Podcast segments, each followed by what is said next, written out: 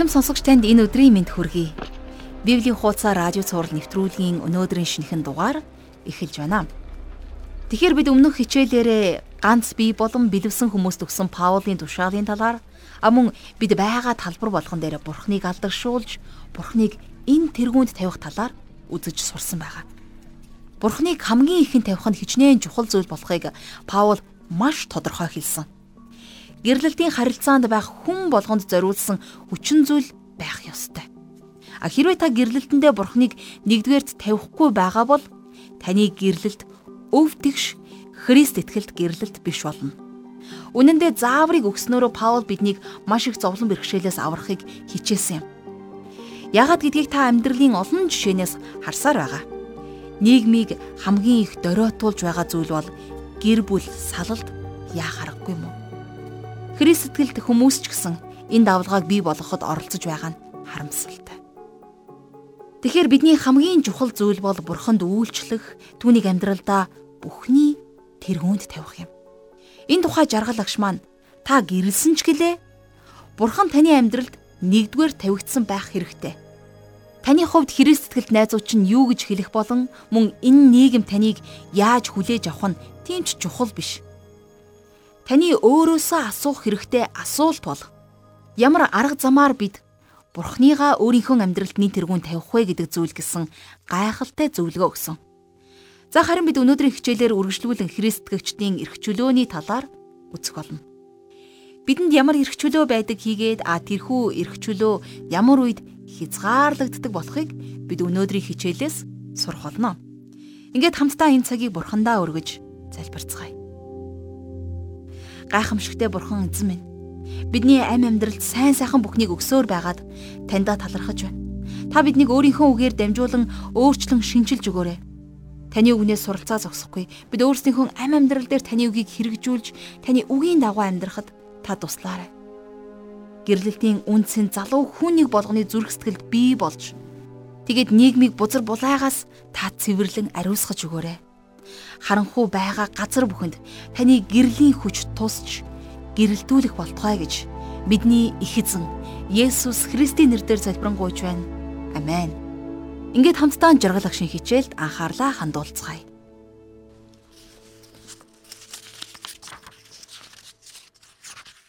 За өнөөдөр бид хамтдаа 1-р Коринт номынхон нэгэн маш сонирхолтой бүлгийг судлах гэж байна. За мэдлэгээс илүү хайр чухал. Тэгэхээр бусдын төлөөх хайрын улмаас Христэд итгэгчид эрх чөлөөгөө хязгаарладаг гэдгийг бид нар энэ хичээлээс үзэх болно.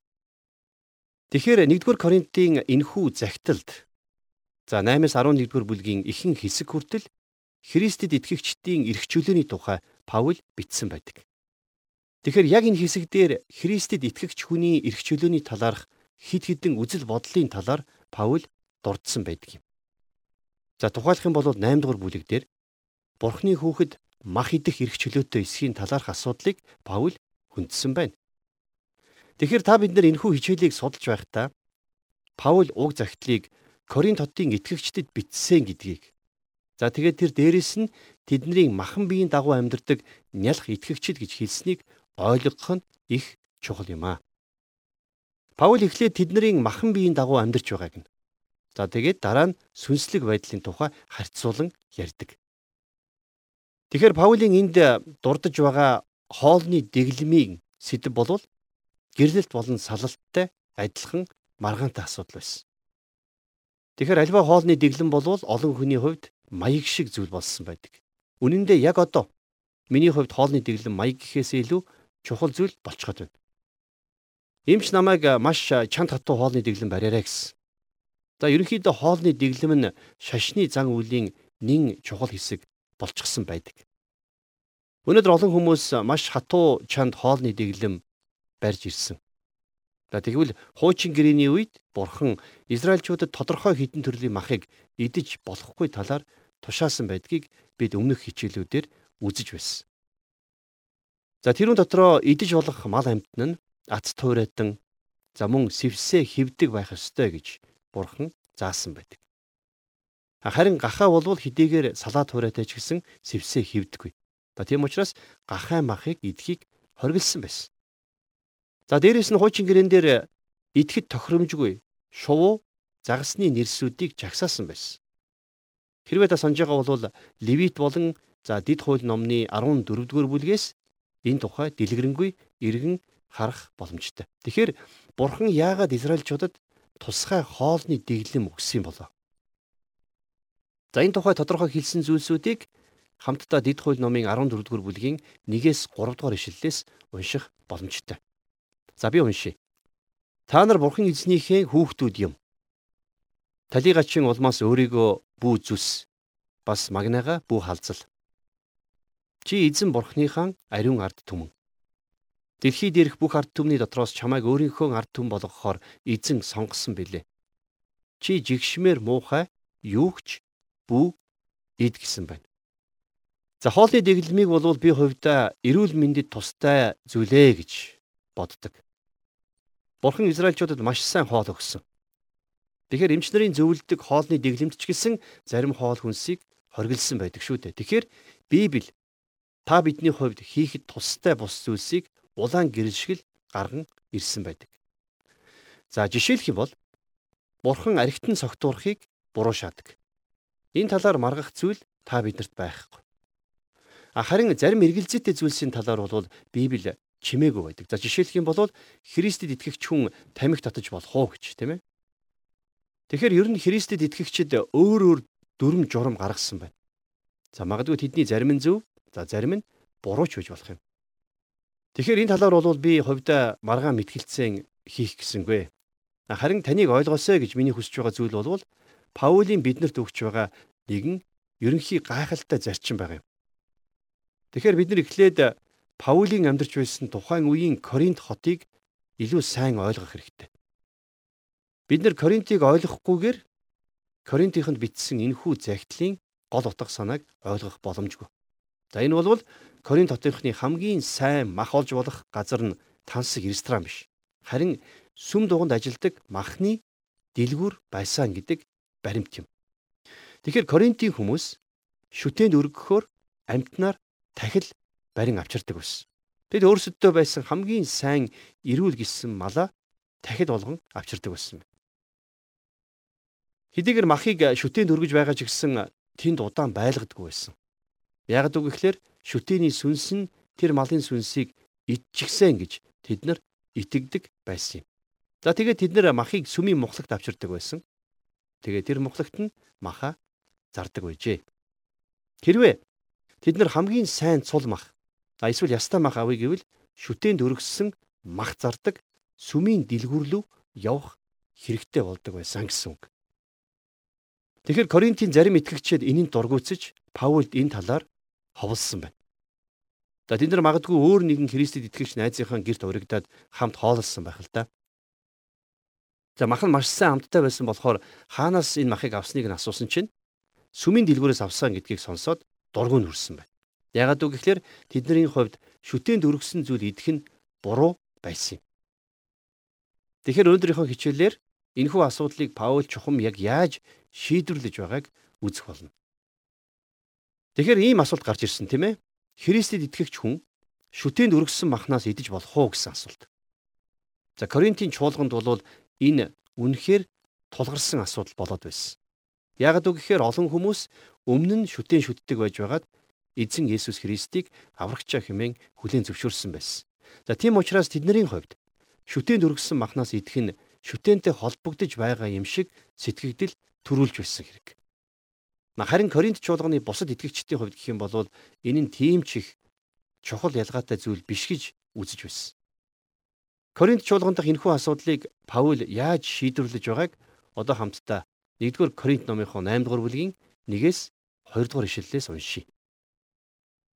Шүтэнүүдэд өргөгдсөн тахилын тухайд гэвэл бид цөм мэдлэгтэй гэдгээ мэднэ. Мэдлэг ихэрхүүлдэг бол хайр босгодог. Хэрв хэн нэгэн өөрийгөө ямар ч зүйлийг мэддэг гэж боддог бол тэрээр мэдэх ёстойгоо мдээгүй л байна. За энэ дээр юу гэж хэлж гэнэ үг гэхлээр байна шүү дээ. Мэдлэг гихч энэ зүйл болвол яг л шаарн бөмбөлөх шиг эсвэл машины дугуй шиг тесэрдэг гэсэн. А харин хайр бол хизээч тесэрдэггүй. Харин хайр үргэлж дүүргэн бэлхуулж байдаг. Бурхны төлөөх хайр болон бусдын төлөөх хайр бидний зам байдлыг тодорхойлж байдаг шүү дээ. Харин мэдлэг болвол бардамдаг тийм ээ. За тийм учраас биднийг бусадтай харилцах харилцааг мэдлэг хатуу ширүүн болгоод байдаг. Олон хүмүүс өөрсдөө боломжийн мэдлэгтэй гэж боддог боловч үнэн хэрэгтээ маш бага зүйлийг мэдэж байдаг нь өнөөдөр их аюултай үзэгдэл болоод байгаа. За энэ талаар би багахан тайлбар дээ. Бидний Библийн хичээл дээр 6 залуу Христийг хүлээж авсан. За нэг залуу над руу ирээд намайг бусад хүмүүсээс тусдаа өөртөө нь сонголтын талаар ярьж өг гэж шаардлаа. Тэр залуу намайг ярьсан үгэндээ ингэх ёстой гэж дурдсан гэж буруугаар ойлгосон байсан. За би тэр залуутай хэдэн минут ярилцж үзээд тэрэнд надтай ярилцах хүсэл байхгүй харин өөрийнхөө юу гэж бодож байгаагаа надад хэлхийг хүсснийг л мэдсэн юм. Тэгэхээр миний олж мэдснээр тэр залуу өмнөхөн уншсан зүйлийнхээ дагуу өөрийгөө бүх зүйлийг мэддэг гэж бодсон байсан. За би тэр залуугийн үгийг сонсч байхдаа өөрийгөө Библийн сургуульд сурж байсан тэр үеэ төсөөлөн бодсон юм. За тэгээд теологийн профессорт өөрийнхөө юу боддог талаар ярьж байсныгаа бас саналаа. Би тэр залууд мэдхгүй зүйлийг хэлж өгч байсан гэж өөрийгөө бодсон. Тэгэхээр та өнөөдөр сүнсний ямар төвшөнд байгаа ч хамаагүй. Та бүх сэдвийн талаар бүх зүйлийг мэдэхгүй. Би ч бас мэдэхгүй. Та бид нар бүгдээрээ хамтдаа суралцж яваа хүмүүс шүү дээ. Харин Паул Филиппо хотынд бичсэн загтлынхаа 3-ын 10 дээр ингэж хэлсэн байдаг. Түүнийг болон Амьллынх нь хүчийг бас зовлонг нь хуваалцахыг таньж мэдээд гэж. Тэгэхээр та бидний бүх зүйлээс дээгүүр мэдэх ёстой нэгэн зүйл бол Христийн мэдлэг баг юм. Хэрвээ сонголтын талаар надтай маргалдахыг хүссэн тэр залуу мэдлэгээр биш харин хайраар удирдуулсан байсан бол тэдгэр залуусын Христийг хүлээж авч байгааг хараад би хувьдаа баярлах байсан. За мэдээж биднэрт тодорхой хэмжээний мэдлэг байдаг. Харин тэр мэдлэгийнхээ дагуу бидний зан авир удирдуулж байдгаа гэж Паул энд маш тодорхой хэлж байна. За ингээд 8 дугаар бүлгийн 3 дугаар ишлэлдэр хин бурханд хайртай байна тэр түүгээр танигдсан. За энэ бол их агуу үг тийм ээ. Та бид нар мэдлэгээс илүү хайраар удирдуулбал зохилттой. Дөрөвдүгээр ишлэлдэр иймд шүтэнүүдэд өргөссөн юмсыг идэх талаар гэвэл энэ ертөнцийн шүтэн гихч нь юу ч биш бөгөөд ганцаас өөр бурхан байхгүйг бид мэднэ. Тэгэхээр та бид нар Христийг хүлээн авсныхаа дараагаар та бид нар Бурхны үгийг хүлээн авсныхаа дараагаар хиймэл шүтэн бол хов хоосон зүйл гэдгийг мэдэж авдаг тийм ээ. Тэгэхээр дээр Паулч гисэн шүтэнүүд бол юу ч биш ээ гэж хэлж байна. Харин ганцхан л Бурхан байгаа. Тэм учраас Паул шүтэнд өргөссөн маханд ямарваа нэгэн нөлөө байхгүй гэж хэлсэн. Тэр маханд ямар ч өөрчлөлт ороогүй. Тэр мах бузартаагүй. Үнэн дээр энгийн мах байсан. Одоо ч гэсэн идэж болох энгийн л мах байна. Тийм учраас итгэлээр өсөж байгаа Христ итгэгч нар тэр махыг аваад идэхдээ ямар ч асуудалгүй гэж Паул хэлсэн байна. Үргэлжлүүлээд 5-аас 6 дугаар ишлэгийг харах юм бол хэдийгээр тэнгэрт эсвэл газарт бурхад гэгдэгчт нь байдаг бөгөөд тиймээс олон бурхад ба олон эзэд байдаг гэдэгч бидний хувьд ганц бурхан эцэг байна. Бүх юм түүнээс гарсан бөгөөд бид түүний төлөө юм. Мөн ганц эзэн Есүс Христ байна. Бүх юм түүгээр хагаад бид ч түүгээр байгаа юм а гэж. Их тодорхой хэлсэн байгаа биз? Тэгэхээр хүмүүсийн бүтээсэн тэдгээр шүтээнүүдийг хүмүүс бурхад гэж нэрлсээр ирсэн. Би нэгэн удаа Коринт хотын Аполлогийн сүмийн тойрон дээр зогсож байхдаа Библийн яг энэ хэсгийг бодсон. Тэнд Аполлогийн дүртэй шүтээнүүдэд өргөж байгаа бүх өргөлүүдийн талаар би төсөөлөн бодсон. Энэ бүхэн бол яг үнэндээ юу ч байгаагүй зүгээр л хоосон шүтээнүүд. Тэгэхээр махыг шүтээнүүдийн өмнө авчирч тавиад хэдэн минут болоод махны дэлгүүр рүү илгээдэг. Маханд ямар ч өөрчлөлт гараагүй. Яагаад үг гэвэл шүтэн бол зүгээр л хоосон тийм ээ. Тэгэхээр итгэлээр өсөж байгаа Христэд итгэгч нар энийг мэддэг болдог. Тийм хүн цор ганц эцэг бурхан болон цор ганц эзэн Есүс Христ байдгаа гэдгийг сайн мэддэг. Тэр бурхан бүх зүйлийг анхдагч бүтээгч нь бөгөөд бүх зүйлс түүнийх юм. За 7 дугаар ишлэл. Харин энэ мэдлэг бүх хүнд байдаггүй ажээ. Зарим хүмүүс өнөө хүртэл шүтээнд дассан учраас шүтээнд өргөсөн тахил гэж бодож эзснээрээ сул дорой мэс чанараа бузралдаг ажээ. За энд их чухал ойлголт гарч ирж байгаа шүү. Юу вэ гэхээр сул дорой хүн буюу за Христийн доторх нялх хүүхдүүд махан биеийнхээ дагуу амьдардаг Христэд итгэгчид шүтээнд өргөссөн махнаас болж уурлаж бухимддаг байсан. Яагад үг ихлээр тэднэрт мэдлэг байгаагүй. Тэдний дотоод сэтгэл нь тэднэрт саад болдог байсан байна. Тийм учраас тэд нэр мах идэх хэрэг чөлөөгөө идэлж байгаа бусдыгаа шүүмжилдэг байсан. Өнөөдөр ч гэсэн та бидний дунд ижилхэн зүйлүүд тохиолдож л байгаа. Өөрийгөө тусгаарлагдсан гэж нэрлэдэг Христэд итгэгчид өнөөдөр цөөнгүй байна. Тэд нар өөрсдийгөө маш сүнслэг гэж боддог ч гэсэн үнэн дээр юу ч мэддэггүй гэдгээ харуулж байдаг. За ийм хүмүүс танд энийг чийж болохгүй, тэрийг чийж болохгүй гэж хэлж зөвлөдөг хүмүүс юм. Тэгэхээр ийм хүмүүс Христчийн эрх чөлөөгөө идэлж байгаа хүмүүст уурладаг, за бас гомддог. Тэгэхээр ийм итгэгчид бол Коринтод байсан шүтээнд өргөсөн мах өгснийхэн төлөө уурлаж, гомдлож, үгүй бид нар бол тусгай хүмүүс. Бид нар бол тусгаарлагдсан итгэгчид. Наад шүтээнд өргөсөн маханд чинь би хүрэхгүй гэж хэлдэг итгэгчидтэй адилаа гэсэн үг байна. За ийм төрлийн тусгаарлалт нь сүнсний дагуух биш ээ. Харин мэдлэггүй байдлаас бий болсон тусгаарлалт. За харин 8 дугаар ишлэлдэр Паул бас нэгэн агуу зарчмыг дурдсан байна. Харин идэхэн биднийг бурханд ойртуулахгүй. Бид идлээч дээрдэхгүй, идээгүйч дордохгүй. Тэгэхээр махан хоол бидний бурхантай харилцах харилцаанд ямар ч нөлөө үзүүлэхгүй гэж Паул хэлсэн. Симон Петерт ийм асуудал байсныг та санаж байна уу? Юу вэ гэхлээр Мосегийн хуулийн дагуу цэвэр биш гэж үздэг зүйлсийг эд химэн түүнд тушаасан байдаг. Тэгэхээр тэрхүү үзэгдэл донд Тэнгэрээс Петерт бурхан босоод тэдгээр ариун бус амьдтыг эд гэж хэлэхэд Петр юу гэж хэлсэн гэж?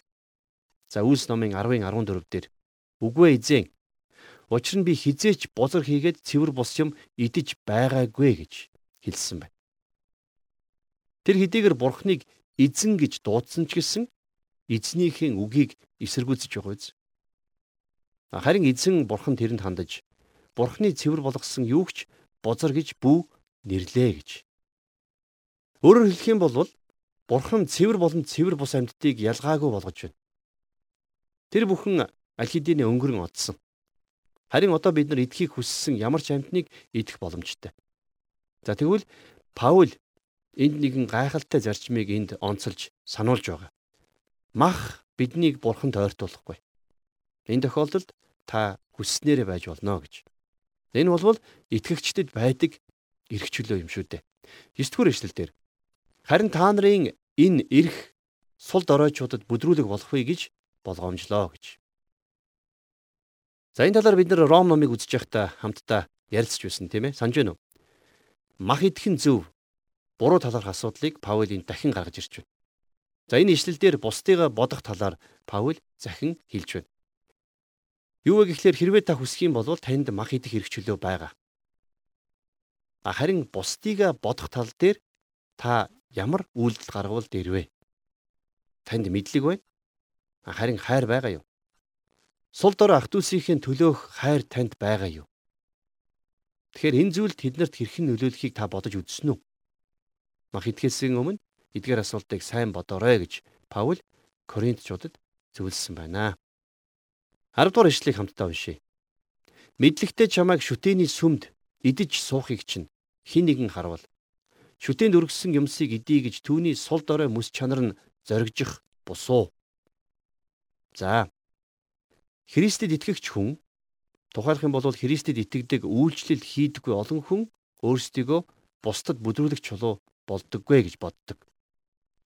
Гэхдээ хэрвээ бид болгоомжтой байхгүй бол хин нэгэн итгэлээрээ ялах нэгнийг бүдрүүлэх боломж бидний өмнө зөндөө байдаг тийм ээ. За энэ талаар Паул хэлж байна. За 11-р эшлэлдэр иймд мэдлэгээс чинь болж сул дорой ах トゥ чинь үргэлдэж байна. Тэдний төлөөл Христ үгсэн юм шүү. За энэ бол та бидний ойлгож байгаачлан бас нэгэн өөр төрлийн зарчим байгаа биз? Энэ нь зөв буруугийн талаарх асуудал бол ердөөсөө биш. Харин энэ бол сул дорой ах トゥ чинь учрах нөлөөний тухай асуудал байгаа. Тэгэхээр мэдлэг нь эцсийн үр дүндээ маш аюултай юм. 12 дугаар ишлэлдэр ийхүү ах дүүсийн эсрэг нүгэл үлдэж сул дорой мэс чанарыг нь шархлуулснараа чи Христийн эсрэг нүгэл үлдэж байгаа юм а гэж Паул хэлсэн байна.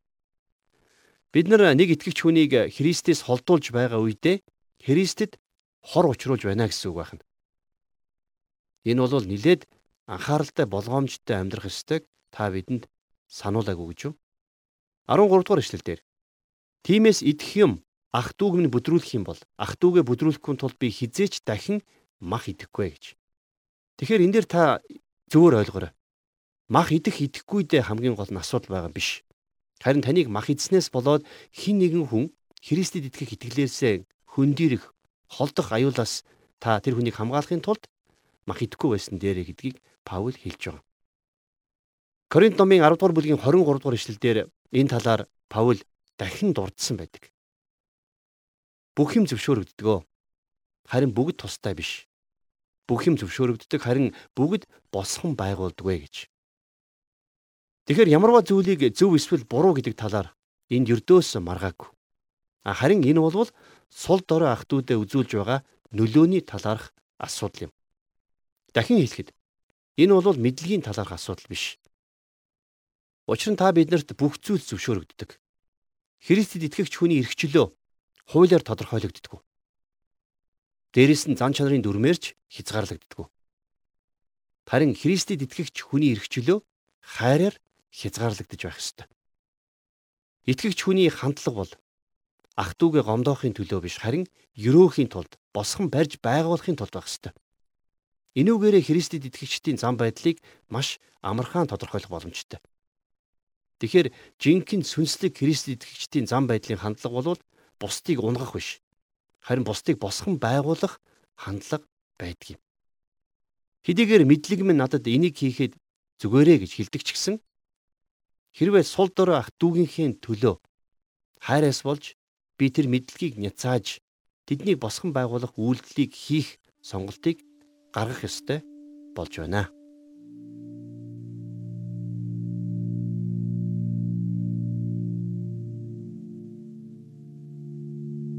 Тэгэхээр өнөөдрийн хичээл бидэнд мэдлэгээс илүү хайр хичнээн чухал болохыг мөн бусдын төлөөх хандлагаас болж бид юу хийхээ сонгодог талаар сургалаа. Хайрын хандлага нь бусдыг бүдрүүлдэггүй. Бусдын төлөөх хайрын улмаас бид өөрсөддөө байгаа эрх чөлөөгөө хязгаарладаг. Энэ үг таны итгэлийн амьдралд шинчлэлт, сэргэлт болсон гэдэгт итгэлтэй байна. Тэгэхэр жаргал агшийн маань биднийг хамгийн ихээр ойлгоосоо гэж хүсэжсэн зүйл бол Паулийн өгсөн энэ гайхамшигтай Паулийн өгсөн гайхалтай энэ зарчим байсан. Хүн бүр өнөө цагт мэдлийн хойноос хөөцөлдсөөр байгаа нь жаахан харамсалтай. Итгэгч хүмүүс ч гэсэн ялгаагүй мэдлэг рүү хошуурцгааж байна. Хамгийн аюултай нь мэдлэг хүнийг ихэрхүү болгодог. Ихэрхүү зам бусдыг гомдоож бас шархлуулдаг. Тиймээс бидний бүх зүйлээс дээгүүр мэдэх ёстой зүйл бол Христийн мэдлэг юм. Христ итгэгч хүний жинхэнэ эрх чөлөө хуулиар тодорхойлогддоггүй. Харин зан чанарын дүрмээрч хязгаарлагддаггүй юм. Христгэгч хүний эрх чөлөө хайраар хязгаарлагддаг нь үнэхээр гайхамшигтай. Христч хүний хандлага нь ах дүүсээ гомдоох ус харин өрөөхөд байдаг. Тиймээс та хүмүүс дунд итгэл хандлагаараа гэрэлтэж амьдраарай. Ингээд өнөөдөр сурч мэдсэн зүйлийнхаа төлөө бурхандаа талархан залбирцгаая. Бүхнээс эрхэм хайртай бурхан аав минь Таньдаа баярлалаа. Өнөөдрийн хичээлээр дамжуулан та бидэнд өөрийн гайхамшигтай үгнээсээ ойлгуулж, мэдүүлж сургалаа. Бид юу ч хийсэн бусдыг бүдрүүлэх биш, харин босгон байгуулдаг хүмүүс байхыг хүсэж байна. Та намайг бусдыг босгон байгуулдаг хайрын хүн болгон өөрчилж өгөөрэй. Мэдлэгийг биш, харин хайрыг хайхад та хүнийг болгоныг замчлаарай. Энэ цагт таны үгийг сонсон зүрх сэтгэл нэг болгонд амар амгалнаа та сойрхоорой. Их эзэн минь бүх зүйлийг таны моторт өргөж, Есүс Христ их эзнийхээ нэрээр залбирanгуйж байна. Амен.